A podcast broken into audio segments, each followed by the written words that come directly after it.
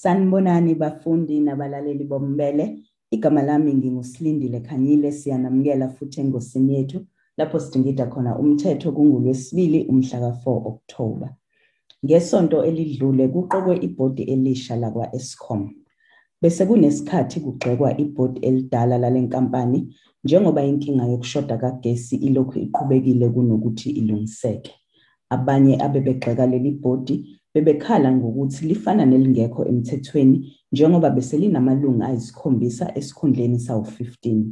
Ukubheka lolu daba kabanzi ukhona ungudwethu womthetho umnumzane uMpumelelo Zikalala wezikalala Attorneys. Mnumzane Zikalala siyakubingelela futhi siyakwamukela kumbele. Angibingelele bese ngibingelela kakhulu ababukeli nabaleli bombele.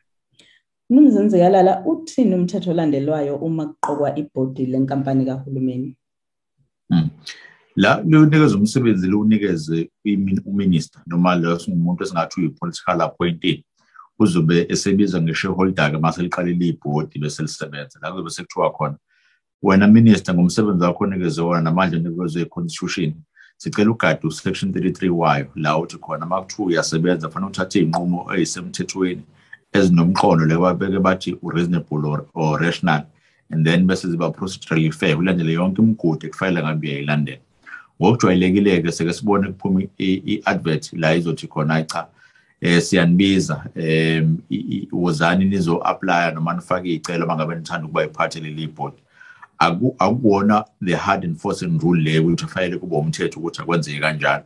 Lo minister osuke ethathe leyo option usuke efuna ukuyihlangula ekhombisa ukuthi ukhomla kangakanani umthetho. So kubalulekile ukuthi akwenzeke lokho ngoba usuke sevumela nathi members of the public ukuthi sikwazi ukuparticipate ey'ntweni ey'suke y'thule uhulumeni. Kodwa ngokujwayelekile nje kuthiwa-ke wozani nizofaka iy'celo? Uma seniy'fakile iy'celo zenu uminister kuyena osuke ewu-shareholder noma i-responsible minister for law entity esikhuluma ngayo ube seshathe isinqumo ukuthi hayi nami umuntu engibona ukuthi uzowenza kahle lo msebenzi wokugada lokuthi lo phiko likahulumeni noma lo mnyango kahulumeni akusebenza ngohlelo Njengoba leli bhodi elidala belingasaphelele kungabe izinqumo belizithatha bezisasemthethweni na? into engafanele siyibheke kakhulu uma sibheke ukuthi le nto esibiza ukuthi ama-memorandum okusebenza kwaleli bhodi beyibhala ukuthini kuyenzeka ngesinye isikhathi la bezothi khona ukuze sikwazi ukuthola i-quorum noma ukuhlangana noma ithimba lizokwazi ukuthatha iy'nqumo ezikwazi ukubhayinda le entity sidinga abantu abangaka. Kuyinganyuswa-ke kakhulu. Ayizothi i-percentage noma kukhulunywe ngenamba ngoba kusuke kugadelwa khona izinto ey'fana njengalezi la khona. Uthole ukuthi kunamabhodi asuke engasaphelele noma uthole ukuthi abantu abakwazi ukuthi baphumelele kanye kanye emhlanganweni osofayele ngabe ukhona so kungenzeka ukuthi um masihleli sibuka singekho eduze kwayo. Ayisuke sithi ngeke. Masibuka ukuthi ubusudile nabantu abawu-half kungenzeka ukuthi iy'nqumo zakhona akwazanga ukuthi uyithathe kahle. Kodwa kwenzeke nakhona ukuthi bazokwazi depending ukuthi kwavunyelwana ngani ngesikhathi kusayina lama-memorandums akhona kwenzela ukuthi yinayo into esiyikhonstitutha ngayo noma imigomo nemibandela ezokwazi ukusebenza ngayo leli bhodi. Kodwa-ke ibhodi elisha lisenawo amandla nakhona likwazi lekuthiwa uku-ratify la kuzothiwa khona ayi khona isinqumo esinaso lapha phambi kwethu asikwazi ukuthi vele sithathe nje sithi asikho emthethweni.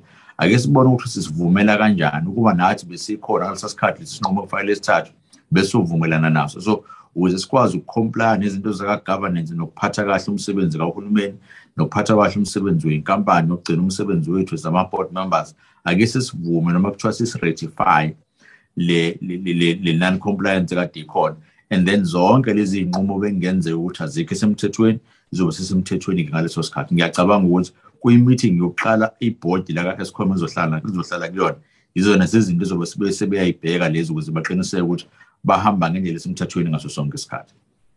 Mningi imibono ekhona ngokuqokwa kwamabhodi um mnumzane Zikalala kungabe umthetho uthini? Uyini kahle hle umsebenzi webhodi? Amandla alo ahamba agcinephi ibhodi linalento esingayibiza ukuthi ngokomthetho i-fiduciary duty la suke kuthiwa khona iy'nqumo ozoyithatha nokonke ozokwenza ngesikhathi ukhona lapha ebhodini kufanele zibe to the best interest noma zikwazi ukuthi yihlomulise ibhodi itself noma yihlomulise leyo nkampani isuke ekuthathile so into ozobe uyenza uzobe uthi on a strategic level ngasekuplaneni ekucubunguleni izinto la uplotha khona zonke izinto kufanele zenzeke kanjani wena okhona from the side of strategy ukhumbule ukuthi wena uma usuke ungenile lapha ebhodini ubizwa nge-non-executive director kuchaza ukuthi ufika nje ngaleso sikhathi ukwazi ukukhombisa nokugada ukuthi ngabe le nto i-performance yenzeka kahle yini na.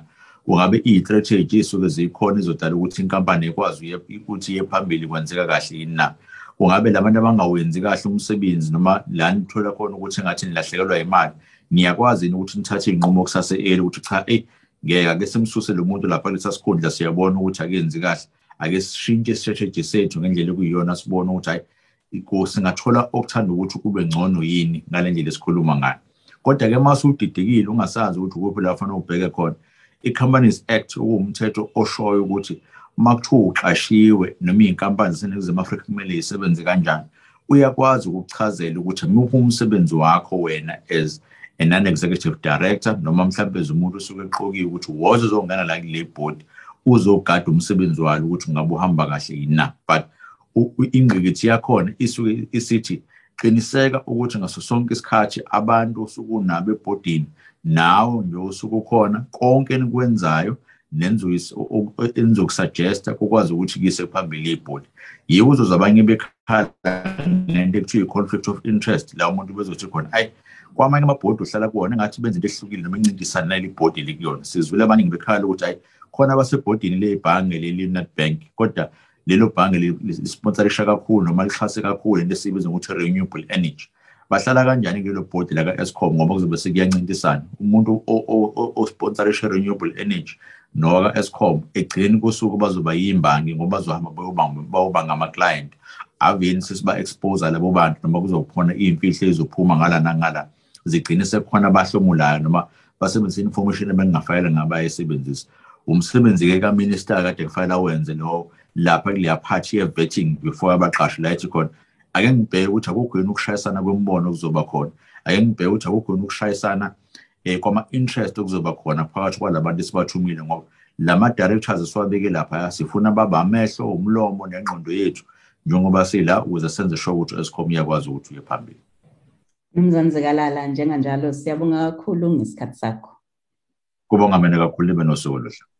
Lowo bekungumnumzane umpumelelo Zikalala wezikalala Attorneys siyabonga.